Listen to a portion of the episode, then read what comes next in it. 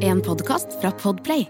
Ok, da, da har vi fått unna all den Husk ørevenn. Ja, hva da? Skal, skal, ja, ja, Ja, ok. folk jeg skal, det. ja, ja, ja, jeg har registrert det. Jeg har du registrert ser det. Ja, jeg skal gjøre det. Ok, men da har vi fått unna all uh, småpratet før vi, vi starter, så, så da kjører vi vignett. Three, two, one. When liftoff. One, two, three, four, five, five, four, three, two, one. Okay, we checked all four systems and there you go on modulation all four and keying with a go. Quality base here. The Eagle has landed. Dette er Romkapsel. Hei, Eirik. Eh, Hei, hei. Hvordan er du? Ren, ren og tørr, holdt jeg på å si? Er ren og Altså, tørr. Jeg er på det eneste stedet i Oslo by akkurat nå som, som ikke er veldig fuktig. Eh, Hele byen har en sånn tynn film av, av fuktighet. av at vi er inne i en sånn hetebølge som nå har gått over i tordenvær, så da kan folk gjette seg til omtrent når det er. Jeg havnet ikke i noen flom på vei ned hit på sykkelen, men jeg kjører jo sykkel, da. Det, det pleier ikke å stoppe av litt vann, så. Det er godt å høre. Eh, vi sitter her nå eh, fordi det var en eller annen gang i juli Jo, jeg var i Spania. Så tikka det inn en melding fra Bjørn Henning Ødegaard. Hei. Hallo, hallo. Der er du igjen. Ja, her er jeg igjen. Da kom det en melding med en uh, link, en YouTube-video, en liten snippet fra en podkast med Lex Friedman, uh, hvor du sa 'Dette må snakkes om'! Eh, og, uh, Bjørn, Krav. Krav. Krav fra siden. og Bjørn Henning, eh, hersker. hva var det med dette som eh, Ta meg tilbake til den situasjonen du satt i og var så intens Ja, hvor var du da? Ja, nemlig sånn. Hva tenkte du? Nei, hvor var du da? Nei, da var jo jeg i Italia. Ja, det, Eh, ja, der var jeg på storbyferie med 30 eh, familiemedlemmer fra min eh, samboer. Oi! Så da trengte jeg podkast av og til. Eh, så da, da, da lyttet jeg til det. Og så syns jeg det var veldig fascinerende. Jeg, altså, jeg er jo romfan så det holder. Og så er jeg for dum til at jeg skjønner alt. Mm. Men hvis jeg da får tak i noe som Å ja, det, det der skjønte jeg. Det er jo spennende, da. Så, så blir jeg veldig gira. Og da eh, har jeg det problemet med at jeg har jo da podkast med, med en som heter Fredrik, min makker der, og han Det er ingenting som provoserer han så mye som verdensrommet.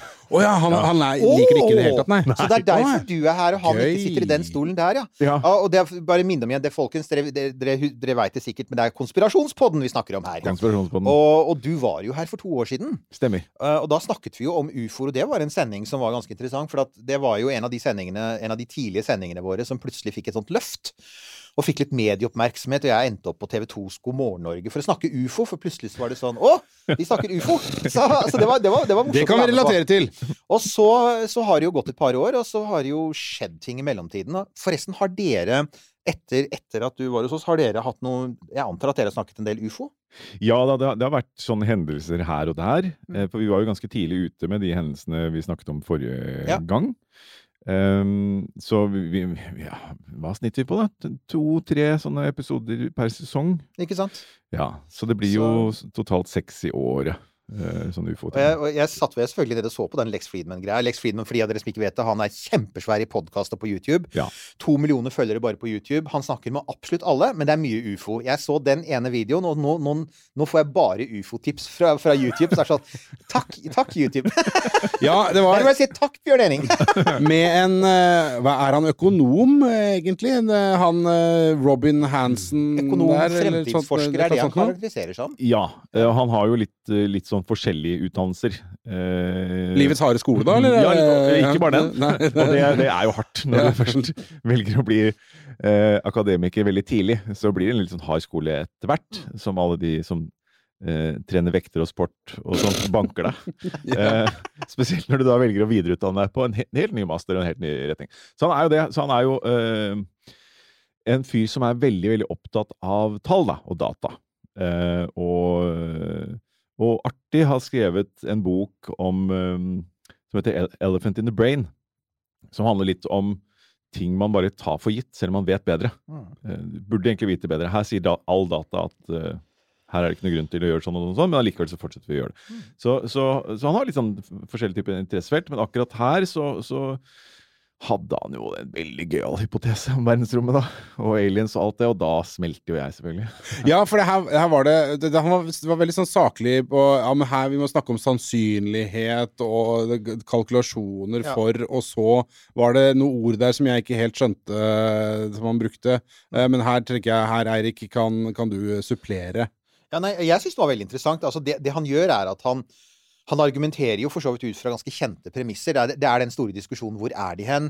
Hvorfor ser vi dem ikke? Eller hvorfor oppfører ufoene seg så rart? Det er litt sånn miks av forskjellige ting. Og, og som jeg forstår han, så er han en blanding av Hans hypotese baserer seg liksom på to av de mest populære hypotesene om hvor de er hen. Og det ene er den såkalte zoo-hypotesen, Mm. som er at de vet om oss, men de observerer oss som en zoologisk hage. Og det andre er eh, den som kalles kalles for The Dark Forest, som er den der eh, Independence Day-scenarioet. Altså, det er noen der ute som er som han kaller grabby aliens. Mm. Altså, vi vil kalle dem imperialister, vil vi ikke det? Ja, altså, det er det at de er ute etter å okkupere og ekspandere.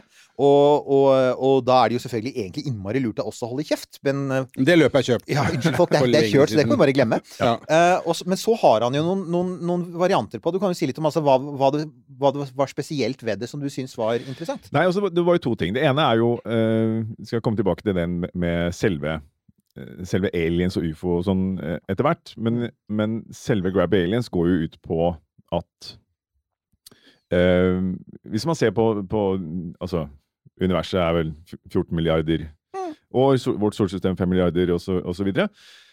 Eh, så er jo vi ganske tidlig ute med, med liv på, på jorda.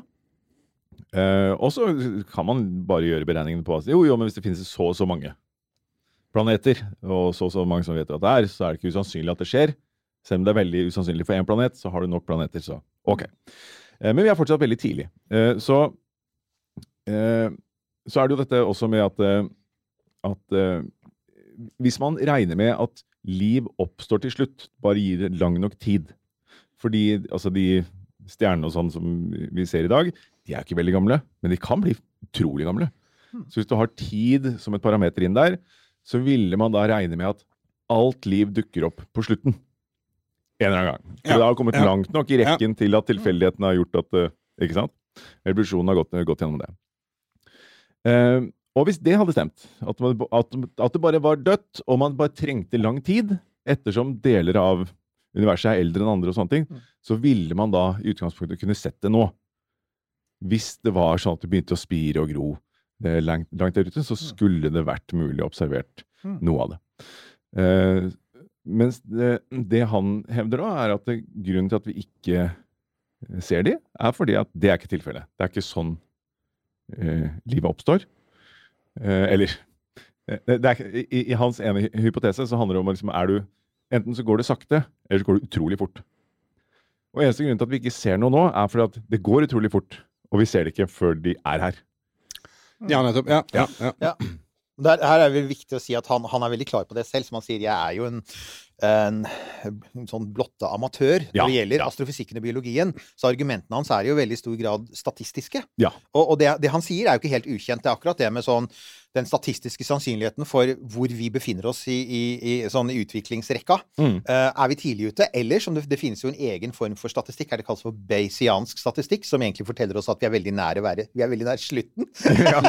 at, i, altså statistisk sett så har vi mange ting ellers som tyder på det. at ja, mange ting ellers som tyder på det. Men, men det interessante er at det finnes, det finnes en måte å lese statistikk på, eller gjøre statistikk på, som uten å kjenne til vår historie og vår, vår tendens til å ødelegge og fucke opp alt, så, så er, det, er man i stand til å regne seg fram til at vi kan være på et visst sted, da. Mm. Så kommer det selvfølgelig an på hvilke metoder man velger. Han, han bruker da noen metoder som, som, som gir det resultatet. og jeg, jeg synes, som sagt, jeg syns det, er- det er en forfriskende måte å gjøre det på, for det er en av de tingene som dette feltet savner, da, det er, eh, det er faglig begrunnede andre måter å se det på. Det Mm. finnes alltid andre måter å se det på. Det finnes alltid mange måter å synse rundt dette. Det finnes en million synsinger.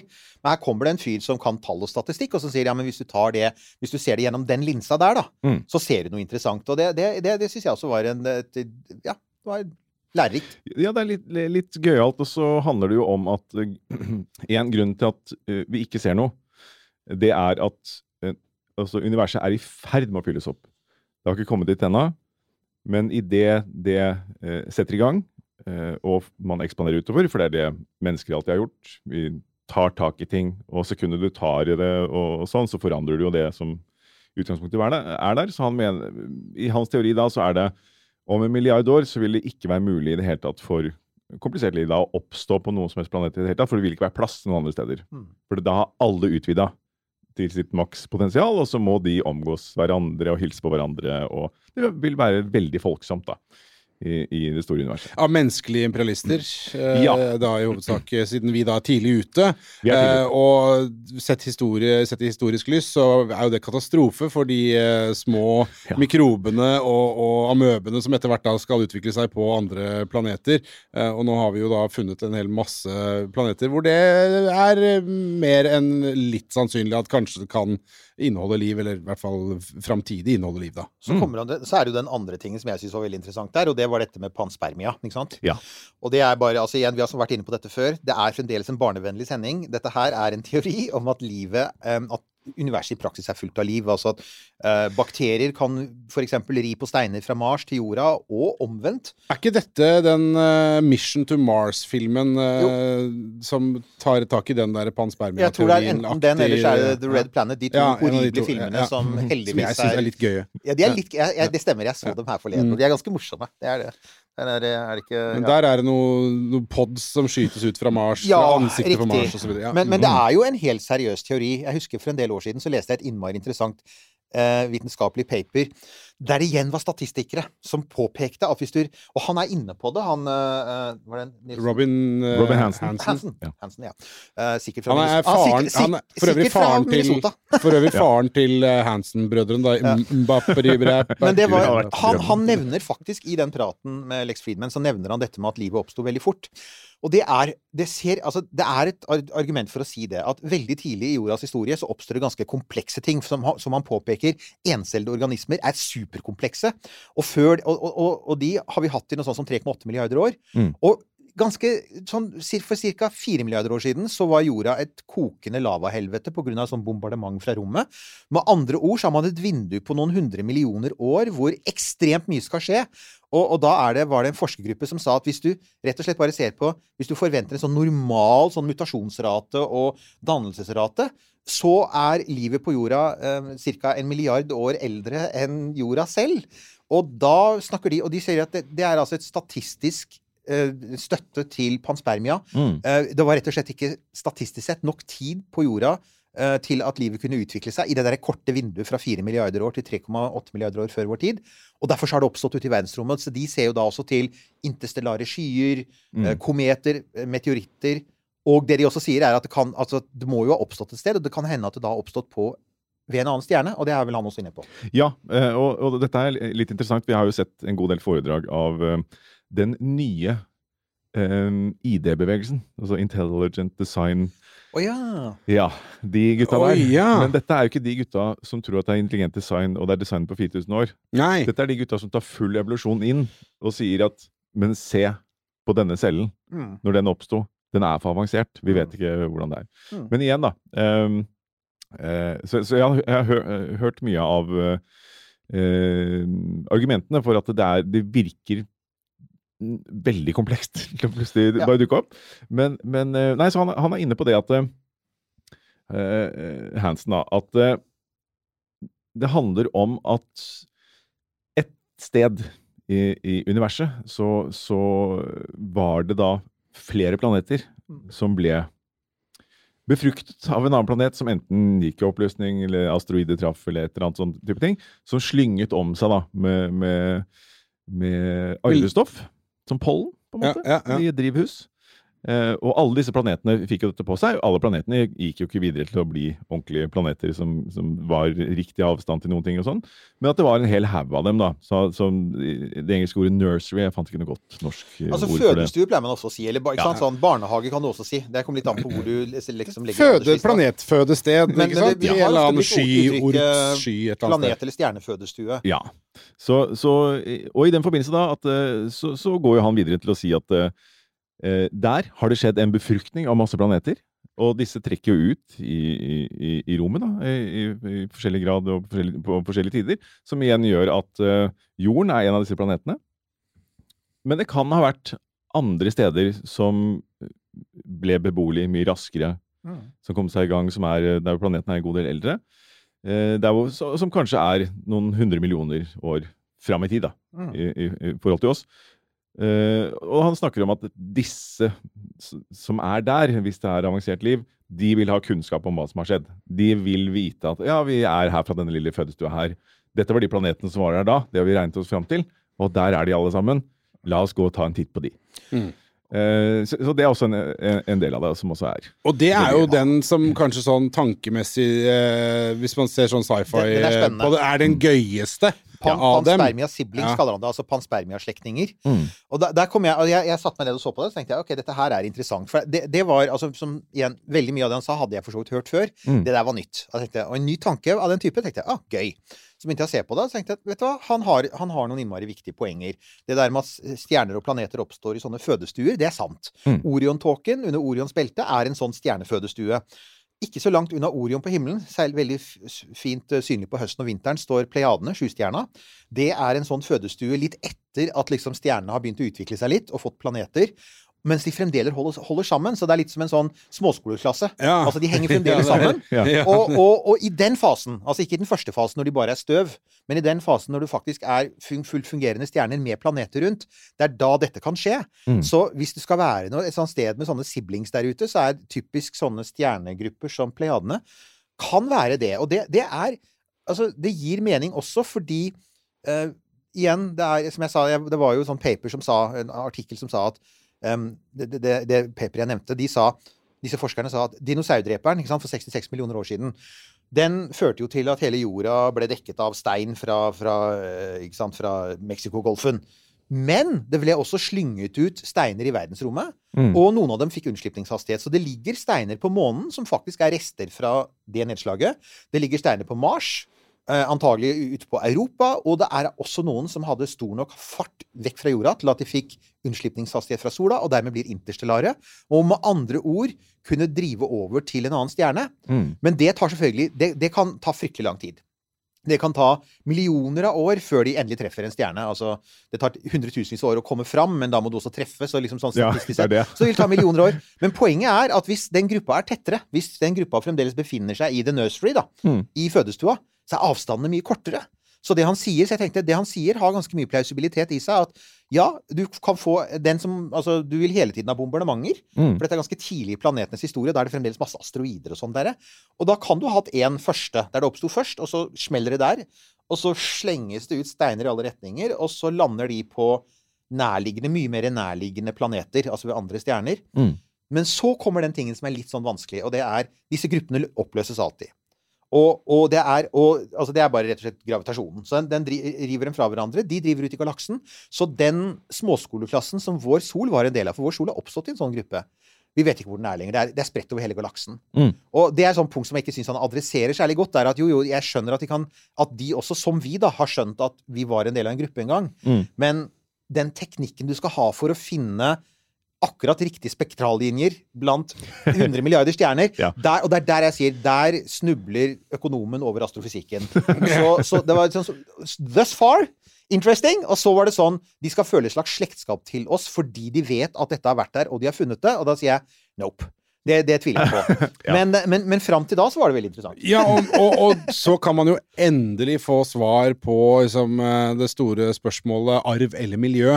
Hvor man Ja. virkelig en gang for alle får slått fast hva det er som er dominerende. Men, men det mest spennende med det han sier, da Og det er derfor jeg sier igjen at jeg syns tanken er innmari god. Mm. Jeg bare jeg tror ikke det er noen god forklaring på ufoer. Men det det kan være en forklaring på, er at en dag om 100 000 år så er vi, kommer det en sånn romsonde eller noen astronauter fram til en planet i en helt annen del av galaksen, lander og sier Shit, dette her ligner jo på jordisk DNA. Ja, ja. Det, og det tror jeg faktisk han kan ha mye i. At den planeten som først får liv i galaksen, Mm. vil så nærliggende planeter, og så går de ut i galaksen, og så blir de også Så at du kan ha områder av galaksen som er Eller altså, du kan ha kanskje Istedenfor at du har sånn 100 milliarder måter å lage DNA på, så kan det hende at du ikke har det, men at du kanskje har 50 måter å gjøre det på, eller 10 måter å gjøre det på, Mm. som har opps, hvor, det, hvor liksom det har oppstått i en sånn derre nursery, og så har det spredd seg dit og litt utover, og så er det det som driver ut i galaksen. Mm. Det er en innmari interessant tanke. Men om de følger noe slektskap, det er der jeg For at han ble litt opptatt av det. Ja. Jo, og, og jeg- siblings, da antyder han egentlig at dette er vår to milliarder-menninger, ikke sant? Og det er da jeg egentlig Nye. 1202. Ja, men jeg tenker, Det er ikke så viktig, for jeg liker den teorien eh, veldig Teorien godt. er At, ikke sant? Ja, ja, ja. Tenk på da på alle de som har blitt eh, sugd opp i en ufo, og blitt dissekert og anal analprobert eh, osv. Og så står disse aliensene og eh, sett, Ja, ja, ja, ja, ja! Her Dette kjenner vi igjen. igjen ting! Og Det er jo en gøy tanke. Det er det det er fremdeles det beste som er sagt om analprobing, er fra Paul, min favoritt. Uh, var sånn what's the, what's the deal with all the probing? What do you think we're doing? Harvesting farts? Men, eh, nei, så, men, det, det, men det var veldig morsomt å se det. Og, og jeg ser jo at han inviterer jo eh, Lex Friedman inviterer jo alle Ja. som har noe å si nå. Jeg, jeg, jeg innrømmer at jeg kommer ikke til å sitte og se Joe Rogan snakke om ufoer i fire timer. Det gjør jeg ikke. Nei, det, det skjønner jeg. Det, er- men, men han har har jeg- noen andre navn der, fordi han, er, Ja. fordi han er den han er. Så kommer jo alle, nesten. Ja. Altså, så alle kommer. Og så har han en veldig sånn spesiell stil i Altså, han er veldig sånn alvorlig. Veldig alvorlig, og nesten sånn at han ikke har noe øyekontakt med gjestene Ja, ja, ja. sine, og ser ut og til siden og Ja, jeg lurer på om han var litt høy. Jeg tenkte at han kanskje hadde vært hos Joe Ja. Rogan og Han litt også, sånn ja. først der. Ja.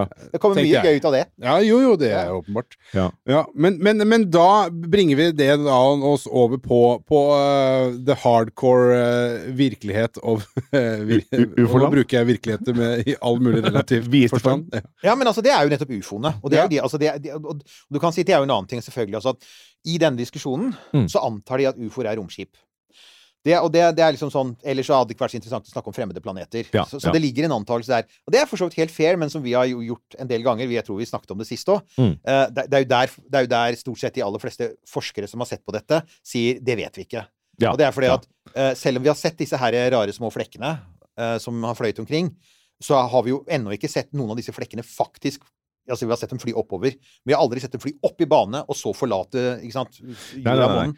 Så det er den, det er den koblinga med Og det er derfor liksom det amerikanske flyvåpenet gikk over til, til Unidentified Aerial for navnet UAP, Ja. for å liksom sette den distinksjonen. Og jeg ser interessant nok, som vi kommer tilbake til, NASA har nettopp opprettet en gruppe for å studere det. De kaller det UAP. De kommer til å studere det som et luftfenomen, og det forteller jo oss at NASA, i hvert fall så vidt vi vet Det kan vi gå tilbake til, det vet du mer om. Eh, Så vidt vi vet, eh, ikke har sett noe i rommet. Altså, og da blir det litt sånn Og NASA driver med atmosfærefysikk også, så det er innafor deres domene. Mm. Men jeg synes det Og der at der har du på en måte gjort et sånn Du har gjort en antakelse, da.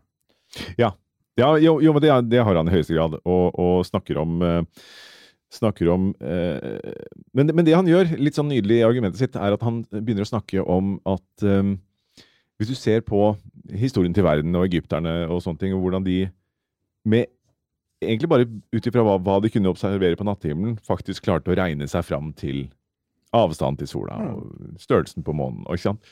Eh, så hans argument er hvis vi bare tar det ut ifra hva vi kan se, og, og ikke se på nattehimmelen, eh, og så tar vi de observasjonene som, som eh, vi kjenner til, og legger det til, til grunn, kan, kan vi begynne å gjøre, finne en hypotese, eller i hvert fall et argument da, for at de skal dukke opp her i det hele tatt, og hvorfor de gjør som de gjør. Uh, uh, så han, han snirkler seg jo litt unna Uh, ja, det er en del sånn vanskelige spørsmål han snirkler Ja. seg unna. Så, så han, Men, han gjør det på den måten, så helt nydelig. Men det, men det, det gjør at det blir en sånn viss poesi i det, for han er, han er flink til å prate, skjønner du. Han godeste Robin Hansen. Men nei, så det, så det, det han sier, er jo det at For argumentet har jo gjerne vært ehm, Hvorfor eh, lander de ikke bare på The White House Lawn, Ja, han er litt opptatt av ja. det. Enten så skal de være helt usynlige, Mm. eller så skal det være på Det hvite hus-plen og foran Kreml. Ikke gjør det, forresten. Nei, Men, ikke akkurat nå. ikke akkurat nå. Men uh, please, for da blir det verdenskrig. Men, uh, men det Og, og istedenfor så har du For at noe av det som alltid har vært veldig slående med fenomenet, bortsett fra at vi aldri får skarpe bilder mm. Det kommer vi også tilbake til. Det er noen som vil gjøre noe med det. Uh, at det er jo nettopp at de oppfører seg så himla rart. Du snakket om det. Det er analprobing av rednecks på ensomme landeveier. Ja. Og det er alltid noen sånne jagerflypiloter som ser en eller annen flekk. Og, og er, jeg minner igjen om at det er aldri astronomer. Det er veldig Ja, ja, slående. De, ja, ja. de holder seg, altså Ufoene holder seg konsekvent unna de som faktisk kan ting som Ja, er på for himmelen. det, der, det, er så det blir jo nevnt Og vi nevner jo veldig Nå kommer vi stadig tilbake til dette klippet. Vi får nesten uh, ta oss og legge ut uh, Vi legger ut lenke, folkens. Det, det gjør vi. sånn For det er veldig spennende, og vi anbefaler se det gjennom, for han er, han er innmari interessant å høre på. Fordi det- der, der snakker han om at det, dette her med å, å skulle vise seg, og hvordan skal man vise seg, og hvem skal man vise seg for, og på hvilken måte skal man vise seg for dem man skal vise seg for, for å bli trodd. Ja. Eh, eh, på altså for å måte få aksept for uh, sin egen eksistens. Ja. Og da er det jo at man skal vise seg på en uh, slående, dazzling måte for de som er slående og dazzling eh, Mm. det stedet man besøker. Og så langt så Uten å være farlig. Uten å være farlig, ja. Ja. Og da kan man jo For det første så har de jo feila ganske miserabelt eh, der, da, for å vise seg på en dazzling måte for de som er mest dazzling. Som Eirik sier, det er jo gjerne ute på eh, landeveissletten i noe litt sånn innavla Alabama hvor det skjer. Eh, det, det, og der er det liksom de minst dazzling av dem, er Ja. jo der. Men kanskje de også vet det. Ja, altså, Vi, det, vi, vi går dit og tar de, for det er det ingen som tror på. Ja. altså jeg tror altså Noe av det mest interessante er at det kan faktisk Det det kan være, hvis det faktisk er romskip, da, eh, er jo at det kan være et produkt av en strategi vi rett og slett ikke forstår. Det er godt Eh, og, mulig. det, og det er igjen fordi vi, altså, For det, hans argument er jo at vi er siblings, at vi er veldig fjerne slektninger, Mm. og at det derfor også er litt mulig å forstå dem. Han argumenterer veldig ut fra at vi kan forstå kulturen deres. Og det kan godt være at hvis vi f.eks. deler DNA fra bakterienivå, at f.eks. hierarkisk atferd Mm. Og, og dominanshierarkier og slike ting, som er veldig vanlig, det er det jo, eh, at det kan være noe som vi har med oss fra det grønne slimet. Um, Men det er klart at det forutsetter at vi er sånne siblings. Ja, det gjør det. Og hvis, vi er fra en, hvis det er noen som kommer fra et helt annet DNA, da, eller en helt annet arvestoff, Mm. og som er sånn vilt forskjellig i tenkemåten, så er det klart at da kan det jo tenkes at det, det vi ser nå, er, gir en slags For dem gir det mening. Og for oss er det fullstendig Det bare virker helt sånn Ja, at, de, at vi hater dem for, for hva de gjør. At alt det de gjør, føles moralsk galt for oss, Ja. videre. Men, men det er jo nettopp det at han han er jo inne på dette med eh, hvorfor de er her, og denne grabby alien-teorien, da, Mm.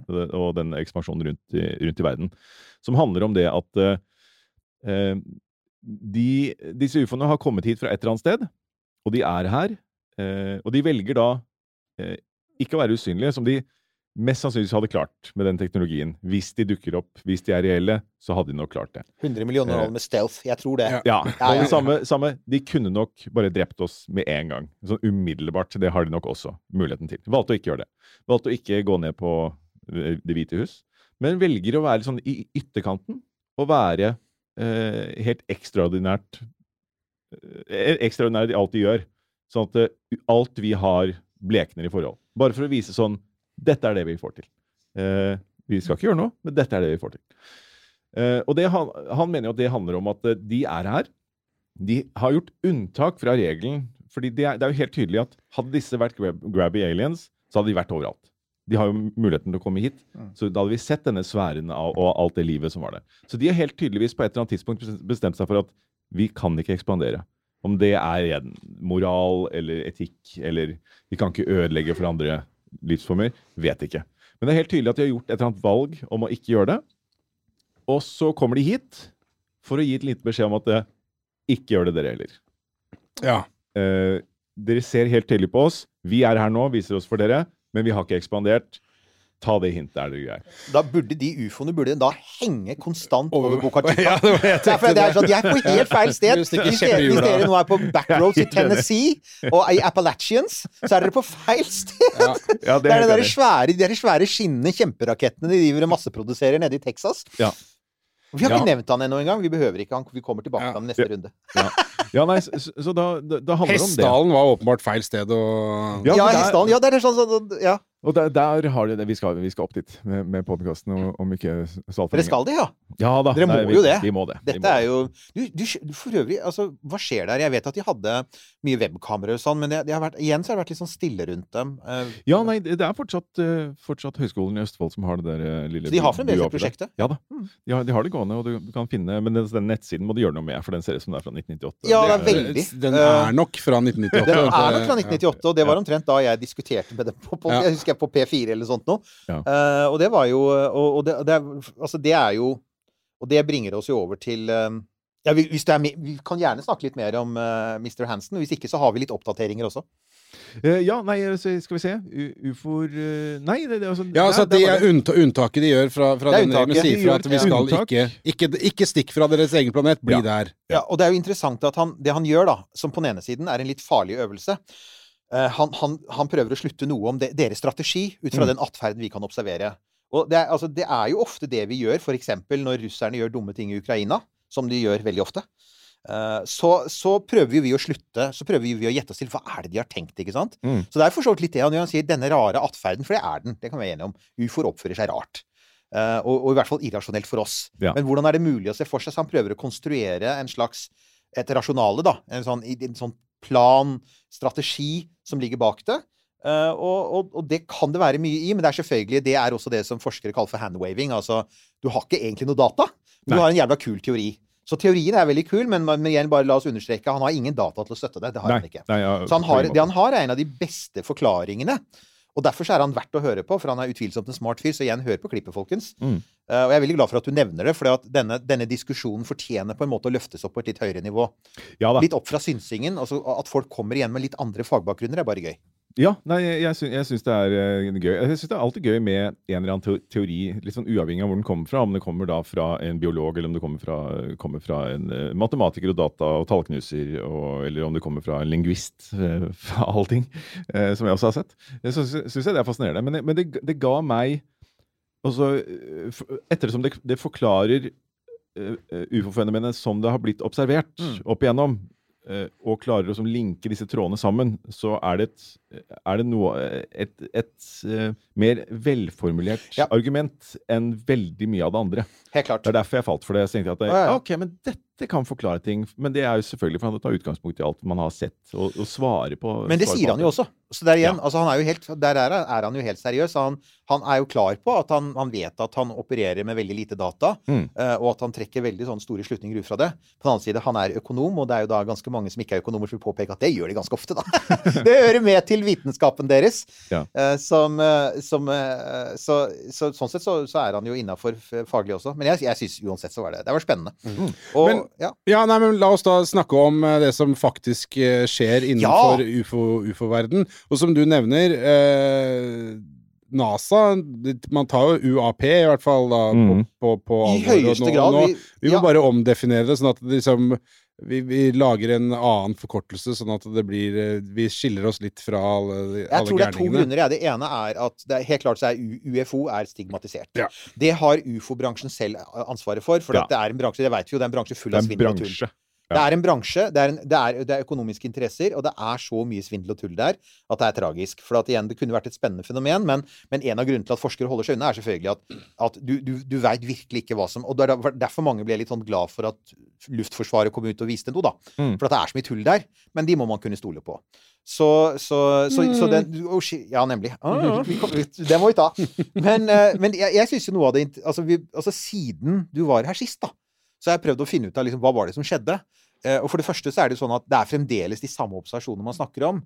Det er Mm. kommet noe nytt. Det er blant annet så har det vært noe sånn der Freedom of Information FOIA Ja, requests. mm. Som har dukket opp en del Der var det mye rart for øvrig. 1500 FOIA requests ble eh, Det var en engelsk tabloidavis, The Sun, som gjorde det. Mm. Og der fant de blant annet folk som sa at de var blitt gjort gravide av, av aliens. Og da, da dukket alle redneckene opp, de med hagle i bakruta, ikke sant? Mm.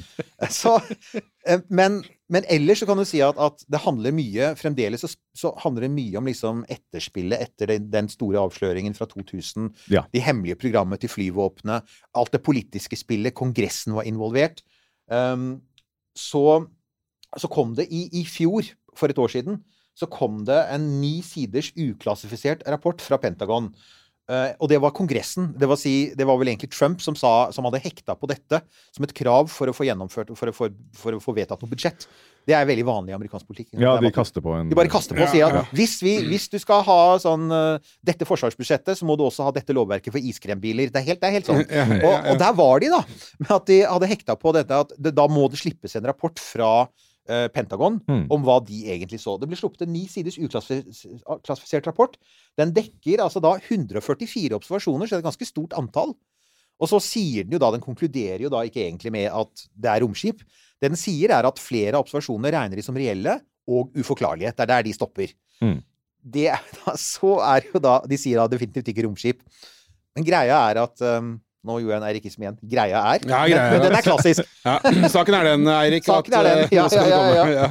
Det fins Og da er vi over på ditt domene, da, Bjørn. Ja. Det, er- det fins en klassifisert en. Det gjør jo det, selvfølgelig! Selvfølgelig. Og den er mye tjukkere. Ja, det Så er, så, og, det, og det er noe av problemet vi har hatt i dette feltet. Det er 190 sider. at så lenge vi driver Så lenge Forsvarsdepartementet, så lenge det militære har ansvar for det, Mm. så vil de alltid kunne bare si sånn Ja, men vi kan klassifisere hva vi vil, og vi bare legger lokk på det. Og, og det behøver ikke engang å være spesielt interessant. Man har jo fått deklassifisert litt eldre observasjoner, og det viste at de var ikke så spennende. Og de papirene har jo FBI akkurat henta på Mar-a-Lago! Ja, ja, ja, sånn ja, det er? Ja. Det er sånn det henger Kjør konspi, Bjørn Henning! Kom igjen! Kjør Ja, nei, altså, det er jo det som er, eh, det som er interessant, da. ehm, for altså, hvis man skal si noe gøy om eh, russiske hackere, så var det jo det at de hacket jo Hillary Clinton eh, og hele staben, staben hennes da, før valget. Eh, og det har jo kommet fram eh, mer i ettertid, da.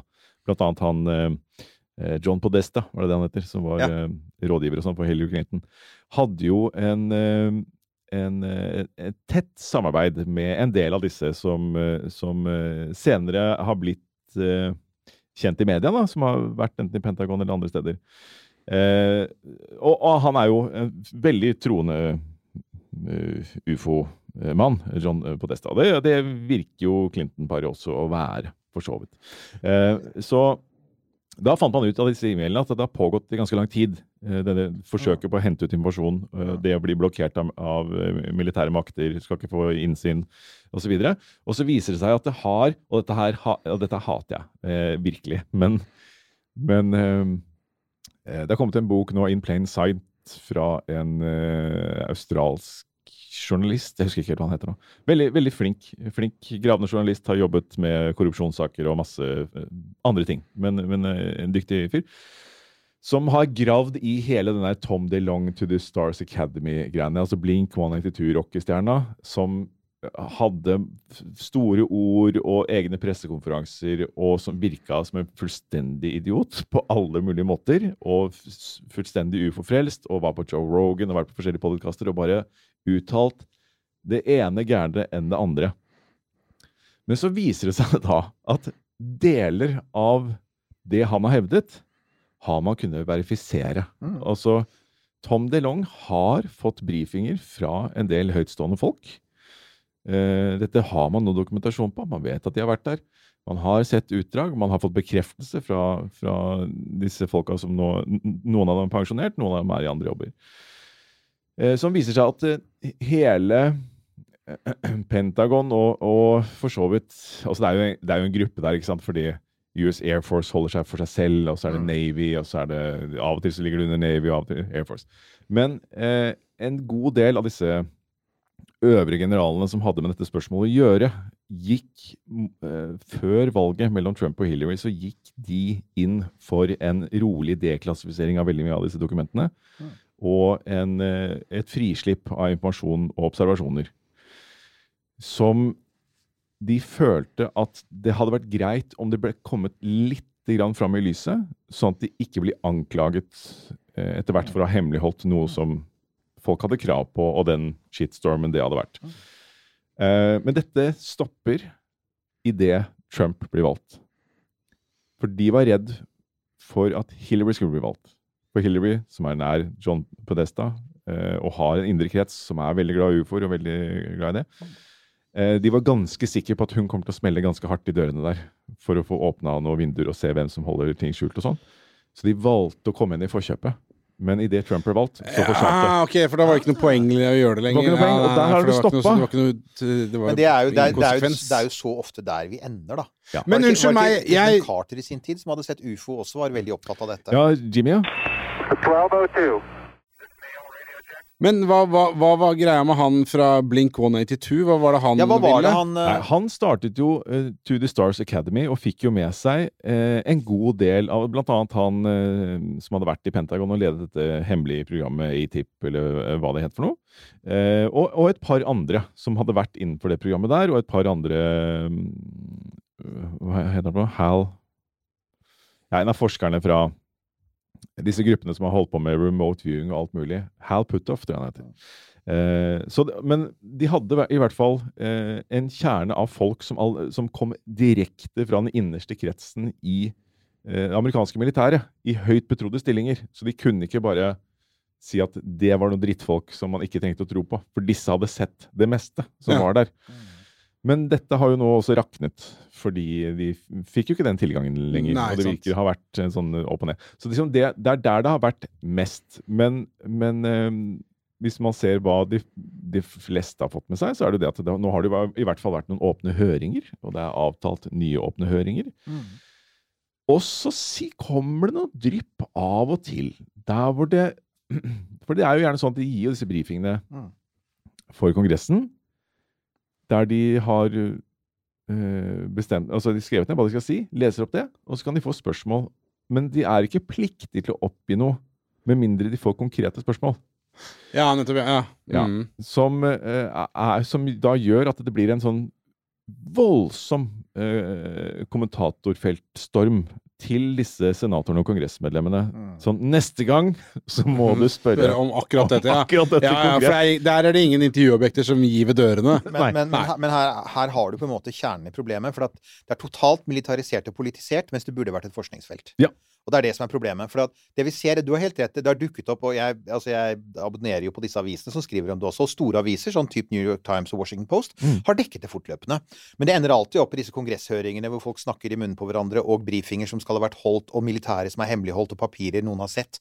Og, og, og, og, det som da Og det igjen så er det, det er, For meg så blir det en sånn hovedårsak til at dette feltet aldri egentlig Altså at det fortsetter å stå på det samme punktet med at vi har disse uklare flekkene som vi ikke egentlig vet hva er. Ja. Og der har vi vært siden 50-tallet.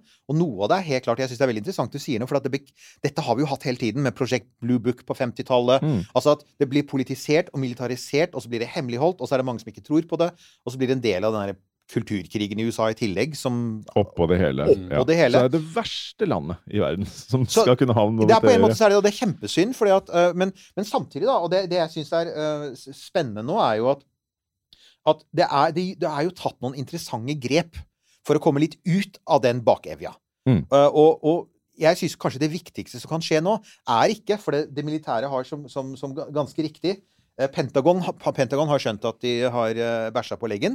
Og vil forsøke å gjøre dette bedre. Og 22. juli, så det er ikke så lenge siden, så erklærte de at de ville opprette et kontor med ansvar for å undersøke ufo-observasjoner. Og på klassisk Pentagon-vis så heter det All Domain Anomaly Resolution Office. Ja. Ja. Som skal dekke Army, Navy og Air Force. Ikke Space Force, interessant. Uh, AARO. Uh, men, og jeg tenker bare uh, Da får vi enda flere høringer og enda mer hvitvasking og enda mer hemmelig, hemmeligstemning. Det er egentlig mer interessant at NASA nå faktisk skal gjøre dette her. Mm. De har sin egen eh, UAP-side hvor de har tenkt å følge opp. De skal, opprette, altså de skal faktisk begynne å se på det fra NASA-perspektiv. Og da skal vi ikke glemme at NASA har jo tilgang til en hel del ting som også Forsvaret har, men som da er åpent og sivilt, som f.eks. satellitobservasjoner. Ja. For det er jo en av de mest slående tingene. altså Igjen så synes jeg noe av det mest slående her er at det fremdeles er dårlige kameraer om bord i fly. Mens f.eks. vi har fulgt med på Ukraina. Du kan fotografere hva russerne spiser, har i matpakka si med sivile satellitter. Mm. Og vi ser ikke en eneste ufo, ufo fra oven. De satellittene er overalt nå, ikke sant? Ja, ja. Og det blir stadig flere av dem. Men dette er jo noe NASA har kompetanse på. Så jeg tenker at eh, hvis de kommer i gang med dette for alvor, så kan vi kanskje begynne å dra det litt mer over i det domenet hvor det burde høre hjemme. Mm. Som er bort fra høringene, bort fra politikken og alle disse herre Matter of national security. Ja, og Ja. folk som han der ene, han der duden, hva var det han het for noe igjen, da? Eh, eh, jo, du har en sånn Han som påsto at um, Eric Davies, ja, vi snakket om han sist òg. Han er ute og aktiv. Han som har jobbet for Forsvaret, Mm. uh, men som påstår at det finnes De har ufo-materiale som ikke har vært, vært lagd på, på, jord, altså på jorden, ikke sant? Ja. Og han skulle vise det fram. Ja, det var for to år siden. Og, og vi venter jo fremdeles på at det skal analyseres, liksom. For det ville jo vært veldig greit. Altså Hvis det dukker opp et materiale som ut, utvetydig ikke er lag, kan lages med jordiske teknikker, så er det, det game over. Da er vi det der, ikke sant? Mm. Men der er vi igjen. Ah, det er klassifisert. Ah, jeg, jeg blir så frustrert av det. det er Ja, sånn. jo, akkurat på, akkurat på, på det der så vet jeg at det, nå er det en, en gruppe som hevder å ha eh, noe metall Mhm. eh, som skal, skal stamme fra en eksplosjon eh, over Sør-Amerika, jeg lurer på om det var Brasil, på 1980-tallet. Ja. Der hvor eh, eh, Er det dr. Nolan da, på Stanford-universitetet som har gjort analyser av dette og funnet ut at isotopnivåene ikke stemmer overens med, med, med jorda, Mhm. og blandingen av metall ikke forekommer på jorda. For det er enkelte metaller som ikke henger sammen naturlig. Eh, men det, det er alt de har klart å si. Eh, og da blir jeg sånn Ja, men dette må da gå an å finne ut av, gjør det ikke det? Ja, ikke Gjøre ordentlige analyser, sende det videre, se se hva som skjer. det, og dette publiserer man da i de rette metallurgiske fagtidsskriftene, og så blir det fagfellevurdert, Ja. for det er det andre. For at igjen, så, for at det er veldig Det er også sånn Det gjelder for så vidt både ufo-feltet, som det for så vidt også gjelder antivax, for å ta noe som ikke nødvendigvis er det samme, men det er alltid masse rapporter der ute. Det er alltid en eller annen forskergruppe i Brasil eller en eller annen eh, amerikansk forsker som har funnet ut at ja, men vi ser jo at dette ikke funker. Mm. Så et av problemene vi har, er jo eh, Og vi har til og med et problem med bogus vitenskapelige tidsskrifter. Og det høres jo veldig sånn sært ut, men jeg, jeg, jeg, vil veldig gjerne ha sånn Det ledende metallurgiske tidsskriftet Ja. skal publisere artikkelen, og så skal kolleger få tilgang til å kunne teste det, de også. Og når vi da har den ordentlige vitenskapelige debatten, da er vi med. I mellomtiden så er dette da sånn nok en sånn ting med det var noen som gjorde noe, og så er det litt Ja. uklart hva det er. Og det er liksom den biten det, det, det, Ja, for det burde sånn- vært så enkelt. Akkurat det. For her hevder dere å ha en metallbit. Den kan bare sendes rundt og Ja. forskes på. Å ja, nei, for det er sikkert noen tungtveiende grunner for at så ikke kan skje. Men så har vi jo en fyr som kommer ridende på den hvite hesten her, da, og det er, vi må jo snakke om Avi Lob. Ja. Det må vi, for han Ja, er litt kul. Jeg må si det. Jeg syns han, han har en ganske interessant approach til det. For det han sier, egentlig, det han mer eller mindre har sagt i det siste, er La oss glemme alle disse gamle observasjonene. Mm. Altså, la oss prøve å få tak i nye. Jeg syns det er en interessant innfallsvinkel. Det er så, altså, Å, å ha, igjen ha uklare smudges og dårlige vitneforklaringer fra 1950-tallet har ikke brakt oss noe videre. Eh, og selv ja, det har, det, det er liksom, Vi er der, ikke sant? Det har ikke det. Det har ikke det. Så la oss gå i gang og se etter det på nytt. Vi hadde jo en um, Vi har jo hatt i episode 99 der snakket vi om dette her med sånn leting etter artifakter. For det han Ja. sier, er at hvis vi har blitt besøkt før For det kan jo hende. Mm. Eh, det kan jo hende at vår venn eh, Hans, Hansen Hansen. Ja. Ja. Robin. Hansen. Hansen, Nilsen, ja, Pettersen. Han, det kan jo hende at han tar feil, og at de har vært der lenge. Mm. Men at de har kommet og dratt igjen. Ja. Altså, og, og, da har de, og da er det jo ikke utenkelig, hvis det er sånn svært, en romfarende sivilisasjon, at de kan ha etterlatt alt mulig fra monolitter, sånn type 2001, eller en brennstofftank, eller, sant, eller en del Altså, de har fløyet over månen, og så har de mista noe, og så har de ikke tatt det med seg, ikke sant? Mm. Så det, det har jo da Det er ganske det er, det, er flere seriøse forskere nå som sier at vi bør begynne å øh, granske alle bilder som er tatt av månen, for å se om det fins noe på månen. For vi har jo ikke sett på alt.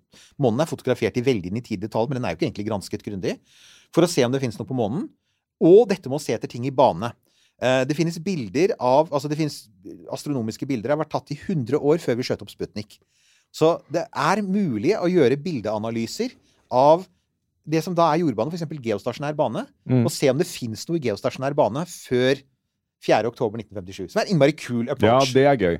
Det er veldig gøy. For da er, vi, da er vi i gang med å samle nye data. Mm. Og det andre er selvfølgelig vår venn. Oumuamua, Ja, ja. som. Og den er jo kul. Ja, er har dere fulgt opp den, forresten? Nei, altså det, litt fordi at det vi, vi nevnte den vel i, i forbindelse med en livestream vi hadde, men da tok vi for oss eh, flere ting. Men, eh, men eh, Nei, den syns jeg er superinteressant. Og der er det litt sånn gøy med lobbyen som er Han er jo nesten der at det er sånn Ja, men jeg syns at dette er det. Motbevis det. og det, det liker jeg. Han er ikke så hard på noen som helst måte, for han er fortsatt vitenskapsmann. Eh, Men, Han- men han er det. det. Og, absolutt. Og, og det interessante med Oumuamua er jo at um, der, er der er det åpent. Mm. Altså, eh, de fleste astrofysikere mener at det fins en eller annen naturlig forklaring som for så vidt er litt sånn edge case. Det er, det, det, det er ikke en helt normal ting som har skjedd der, Nei. men de mener at det ligger innafor det som kan skje eh, naturlig og fysisk på et sånt objekt, med dette særlig med hastighetsforandringer og slike ting. Eh, men men det, er, det er uavklart, og, det er en enighet om det. Det syns jeg også det er ganske greit. La oss avklare det. ja, og den er dessverre den eneste måten å avklare, avklare Oumuamua på, er jo å sende av gårde en sonde, men den er allerede nå så kjapp, den, den flyr så fort, at det er ikke noen av den teknologien vi har i dag som er vi sant kan ta den igjen med. Men det er der vår venn da kommer. Altså Han vil da for det første igjen se etter sånne artifakter der ute. Uh, se etter ting som har vært etterlatt. Det andre han vil gjøre, er å lete etter flere slike intersklare asteroider, og nå er jeg hermetegn, for at vi vet jo ikke. Eh, han, vil, han vil finne flere Oumuamuaer. Mm. Og, og være mer på vakt for å finne det. Så sier han, og det syns jeg er veldig kult Han er i likhet med meg dritfrustrert over at alle bildene er så dårlige. Ja. Han vil ha, ha 4K-video, han. ikke sant? Det er det han vil ha. Mm. Han vil, som han sier, jeg vil kunne se, jeg vil kunne se produsentnavnet på ufoen. Med en eller annen sånn merkelig alienskrift, Ja. istedenfor en sånn fussy greie som faktisk kan være en feil i kamera. ikke sant? Og det er det Mm. mange sier om disse her flyvåpengreiene. Jeg veit ikke. Men det er, altså, så lenge bildene er så dårlige, så er det alltid mulig å si at det er en refleks eller en Men han vil ha de skarpe bildene. Han vil ha de bildene som vi ser på film. Han vil ha Ja. moderskipet i nærkontakt. ikke sant? Hvem vil ikke det? Hvem vil ikke Mm. det? Og hvordan skal han gjøre det? Jo, det han vil, han, altså den eneste måten å gjøre det på, er selvfølgelig å bare sette opp en haug med teleskoper som kun har som oppgave å se etter ufoer. Han får selvfølgelig en utfordring, fordi at vi har allerede All Sky-teleskoper som driver og fanger opp ting hele tiden. For eksempel um, Norsk Meteornettverk. De har jo en eh, kamera oppe på Harestua, de har kamera på Gaustatoppen. Det finnes, de dekker altså faktisk store deler av himmelen over Sør-Norge, og de ser jo alt som flyr over, inklusive satellitter. Eh, og så sant ikke de er en del av den store konspirasjonen, så har, har de foreløpig ikke sett noen ufo. Men senest i går så så de faktisk um, Starlink-satellitter fly over Gaustad. Så det er kult. Nei, Ja, for at nå har Starlink har begynt å skyte mot nord, og det vil si at disse her lange togene av satellitter som Og da tar jo folk kontakt med meg og sier hva slags ufo var dette? Nei, dette er eh, vår gode venn Elon som er i gang! Ja. Regn med mer av det. Men jeg syns i hvert fall det var litt spennende, fordi at det han da sier er Istedenfor å bare sitte og ergre oss over at de hemmeligholder, Mm. og i stedet for å ergre oss over at politikere stiller feil spørsmål, så skal vi gjøre som ordentlige forskere, og så skal vi hente nye data. Ja. Ferske data som ikke er sånn tainted av hemmelighold, Luftforsvaret Gud veit hva som har skjedd med disse videoene. ikke sant? De har jo vært gjennom Forsvarets egne prosesseringssystemer. Who knows? Mm. Men ha det åpent. Dataene skal være åpne. Han vil slippe dem åpent ut. Det skal ikke være noe hemmelighold eller noe sperretid. Alle skal kunne se dem. Jeg syns det er en innmari interessant approach. Eneste måten å gjøre det på, spør du meg. Ja, er det ikke det? Jo. Det sier liksom, Veien ut av dette kan ikke være For det, det blir sånn Å ja, og så skal Pentagon gjøre det igjen, ja. Og så, og så får vi den samme diskusjonen på ny, og så får vi en høring om fem år. Mm. Og så står vi der igjen. Men nye data. I like. Nye data. Vi eh, i Romkapsel heier på nye data. Ja, vet du. Altså, jeg har jo tidligere vært litt sånn avi-lob-skeptiker, fordi at han har vært, som du sier, han er litt tøff i klypa. Ja. Og av og til så blir han litt sånn eh, litt i overkant. Men her syns jeg han er helt på riktig spor. Han, han, han har jo et eget prosjekt, så vi må følge opp det. Og han kaller jo det for Galileo-prosjektet. Eh, The Systematic Scientific Research for Evidence of Extraterrestrial Technological Artifacts. Mm. Veldig tungvint og langt, men det han sier er istedenfor å si UFO, altså istedenfor å tenke romskip, så sier han alle slags artefakter. Mm. Altså, Det bør ikke være selve romskipet. Det kan være i igjen landingsstelle, det kan være en eh, dysedel. Det kan være en, eh, noe, en satellitt som er der for å følge med på hva vi gjør, f.eks. Han, eh, det fins jo folk som mener at det finnes stealth-satellitter. Det er, jo, det er, sånn, er ikke det en sånn egen gruppe? Jo da, det, det er en egen gruppe. Og det er, det er det man hevder eh, eh, Ja, altså Hansen er vel litt inne på det òg. Altså, han mener at eh, det ville vært null problem for en veldig avansert sivilisasjon som har muligheten til å fly rundt omkring og besøke jorda når de føler for det, og skru av og på synlighet og sånn. De vil nok ha satellitter eh, som er i bane overalt, der det egentlig liv vil tenke, tenkes å kunne være. Eh, så det er jo også noe. Men de må jo gå i stykker en eller annen gang, tenker jeg. De må bli truffet av et eller annet en eller annen gang. Ja, ja, ja, De ja. faller mot bakken en eller annen gang, og så er Ja. Ja, altså, Som de ute- gjorde i eh, Roswell i 1947. Ja. Ja, nei, men det er jo det, Men der er vi litt av det samme problemet igjen, som er for, for Vi har jo snakket tidligere i denne sendingen om, om, eh, om atferd. Altså om at vi prøver å gjette oss til atferd. Og nå snakker vi om å gjette oss til teknologi. Mm. Og der, altså det, det man kan lure på, er jo selvfølgelig om det rundt neste sving, da ligger en eller annen form for teknologi som ikke vi ser i dag. F.eks. en teknologi som er helt uten bevegelige deler, eller et eller annet som gjør at de får ekstrem, ekstremt lang levetid. En ny måte å, å, å hente inn energi på. For det er den andre tingen, selvfølgelig. Hvordan i verden skal du holde det med live så lenge? Mm. Eh, tross alt så er det sånn at alle, alle former for energi vi kjenner i dag, degraderes over tid. Altså, noe av det mest, mest lengstlevende ville vært eh, å bruke noe sånn uran av noe slag, som kunne ha en sånn halveringstid på noen milliarder år. Men, men igjen, alt slites ned over tid og degraderes. Og Men vi hvordan- vet ikke alt. men det er det vi sier, vi vet ikke alt.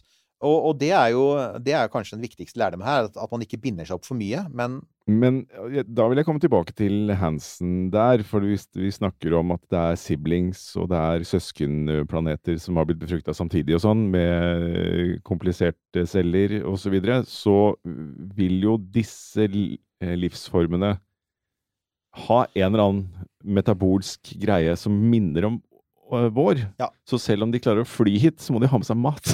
de må det. De må, de ja. må, de, det er liksom helt vanlige prinsipper. Som, det, det er det. Og det er derfor jeg sier også at det er noe av Det har alltid vært noe av problemet også med selve ufo-greia, er at enten så, så ligger det et eller annet veldig stort fysisk sprang foran oss. Altså, sånn at vi egentlig lever i et Star Wars-univers. Hvor f.eks. enkeltindivider kan sette seg i et bitte lite romskip og fly til en annen stjerne. Og, og i så fall kreves det ny fysikk. For Ja. alt vi veit nå om det universet vi lever i Uh, Og det er ikke sikkert at vi veit alt, men det kan også hende Det er, det er sånn statistikkgreie igjen. Det kan faktisk tenkes at vi har kartlagt 90% Who knows? Det kan hende at, at fysikken i universet er, lett, er ganske lett å forstå, mens biologien er vanskelig å forstå. Mm. Og i så fall så er vi fanget i et univers som ikke lar oss gjøre sånne ting. I så fall så blir dette med å sende opp noen sånne rare blinkende lys enda mindre realistisk, fordi at det krever en massiv infrastruktur. Det blir som å gjennomføre en invasjon av et land. ikke sant? Altså Du må ha så mye brennstoff, så mye mat, så mye energi som skal fraktes over så lange avstander. Og når du endelig kommer fram, så, så, så henger du bak en ytre måne, og så sender du noen sånn blinkende lys over Nebraska og bakveien i Tennessee. Det er klart, Da virker det mindre For det, det, han er jo inne på det, han, uh, vår venn Mm. som jeg ennå kjenner. Petersen! Hansen. Ja, ja, Hansen. Hansen. Han er Hansen-gruppa, ja. Han er jo inne på det. ikke sant? At det, det er jo også en viss mulighet for at dette kan ha vært gjort på nærmest individuelt plan. Mm. Altså at noen bryter reglene, for eksempel. At noen, altså, han er vel inne på dette med at dette med når du først har muligheten til å dra et sted, Mm. så er det innmari vanskelig å ha en sånn hard and fast regel om at ingen får lov å dra. Ja. Da vil noen Noen vil alltid prøve seg, ikke sant? Og kaste seg ut i den lille seilbåten over havet. Mm. Og, men det igjen fordrer at det er teknisk mulig å ha noe på størrelse med type Millennium Falcon, som da kan fly over halve galaksen. Og der vi er med fysikk i dag, så kan jeg si at det går ikke. Med dagens fysikk går ikke det. Men kanskje om 100 millioner år, kanskje vi vet noe. Kanskje, og vi starta med spørsmål, og sitter vel egentlig bare igjen med enda flere Men spørsmål. veldig bra du hadde lyst til å komme og fortelle om dette, for det var jo kjempekult. Ja, jeg er helt sikker på at vi kunne sittet her en times tid til, men eh, la Vi kunne snakket om de åtte andre hypotesene om hvorfor de ikke er her. Nei, vi, vi runder av, av eh, ufo-segmentet for denne gang. Og så eh, regner jeg med at ved den neste ufo, eh, eller UAP-ting, så er du tilbake. Ja, da kommer det en ny melding. Ja, men så må vi da huske må vi å si dette. Folkens, da veit dere, nå har dere jo hørt det her. Hvis dere er interessert i å få mer oppdaterte ting, så er det altså Konspirasjonspodden er stedet å gå. Og hvor er det vi finner den? Nå er, nå er jo det på Podme-appen. Ja. Eh, Det er det. Du skal også følge oss i sosiale medier, både på Instagram og på, på Facebook for litt informasjon der, eller liveshowene som kommer. Live Ja, var de kommer, live så da veit dere Ja. det. Ja, for det er klart at det skjer jo så mye annet rart i romfarten hele tiden, så vi, det er ikke så ofte vi får tid til å prate om dette. Men eh, det fikk vi nå, og så sier vi takk for oss. Vi er jo da på alle de stedene vi er. Pleier være det pleier å være Facebook, Twitter, og vi har våre kopper og T-skjorter og, og sånne ting. romkapsel.no for det. Og til og med Vips. Vi snakkes da. Du har hørt en podkast fra Podplay. En enklere måte å høre podkast på. Last ned appen Podplay, eller se podplay.no.